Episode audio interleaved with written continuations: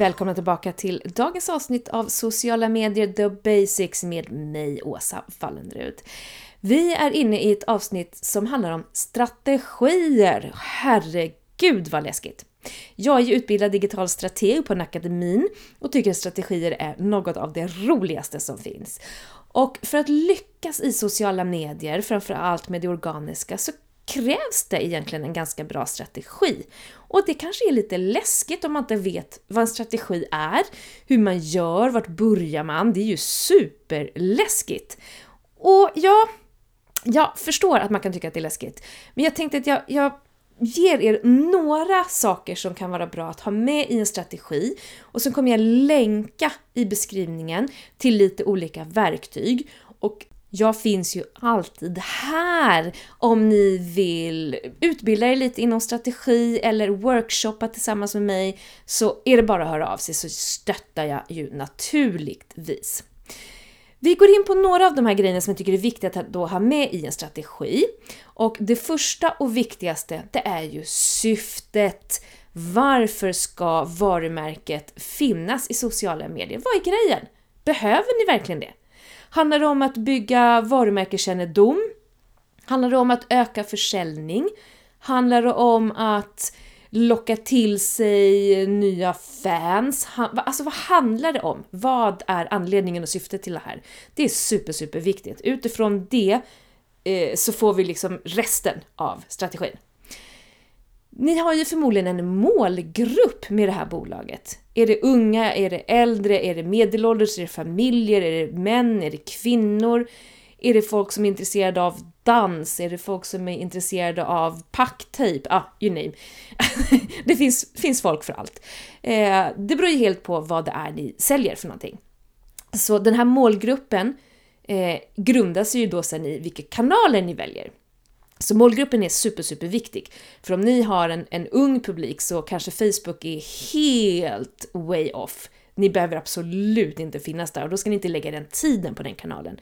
Då kanske det är TikTok-filmer som är den bästa vägen.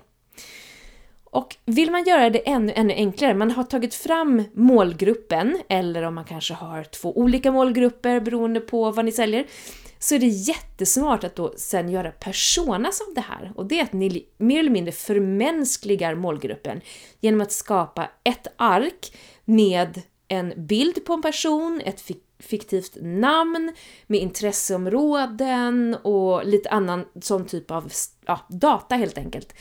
Det gör att när du sen ska sätta dig och göra ett specifikt inlägg så kan du titta på den här lappen på den här personen eller personan och då formulera din text direkt till den personen. Det kan göra det lite enklare om man har lite svårt för det där med hur man ska forma, eh, formulera sig i de sociala medierna. Så syftet, målgrupp, ta fram en persona och sen är det kanalvalet då baserat på målgruppen du har. Och också tonaliteten är väldigt viktig.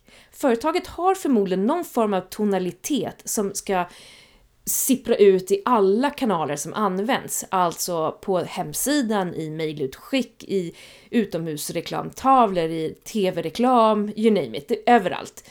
Det här ska ju också naturligtvis eh, synas och höras även i de sociala medierna. Däremot så kan man behöva tweaka tonaliteten lite grann om det är lite för formellt. Det brukar oftast inte gå hem i de sociala medierna, men då, då har ni liksom tonaliteten att, att, att luta er emot och sen så gör ni det lite mer förmänskligat. Sen måste vi sätta mål och det har vi pratat om i tidigare avsnitt, hur man gör och vilka mål man kan sätta. Konkurrensspaning, något av det roligaste som finns. Gå ut och snoka, kolla läget. Vad gör de andra? Vad funkar för dem? Vad funkar inte för dem? Finns det något socialt medie där de inte är som vi skulle kunna äga? Hitta de här nycklarna som gör att ni eleverar er över konkurrenterna. Det måste ju finnas en USP. Och USP betyder ju Unique Selling Point, alltså någonting specifikt som gör att ert varumärke är det bästa på hela marknaden. Det är superviktigt att det kommer fram, att man ska välja er framför en konkurrent. Det är just den här USPen och den är superviktig. Har ni en hel del värdeord, värderingar och känslor inom bolaget så kan det också vara lämpligt att ta fram i strategin och använda i kommunikationen när ni tar fram innehåll och så vidare. Och Det som jag också tog upp i förra avsnittet tror jag det var, det här med att kommunicera inifrån och ut istället för att kommunicera det som användarna faktiskt vill ha. Alltså sluta säg det som cheferna vill att ni ska säga. Säg det som användarna vill höra. Och det handlar om att packa om information så att det låter bättre, eller bara säga nej, vi ska inte säga det här, vi ska säga det här. Det kommer gå mycket bättre. Stå på er, var starka. Om ni inte klarar det, anlita mig så fixar jag det åt er. Det var allt för idag, den här väldigt snabba genomgången av en strategi. Men som sagt, jag finns här. Workshop, utbildning, you name it. Over and out. Men det kanske ger er lite tankar framöver. Det var allt för idag. Tack så mycket!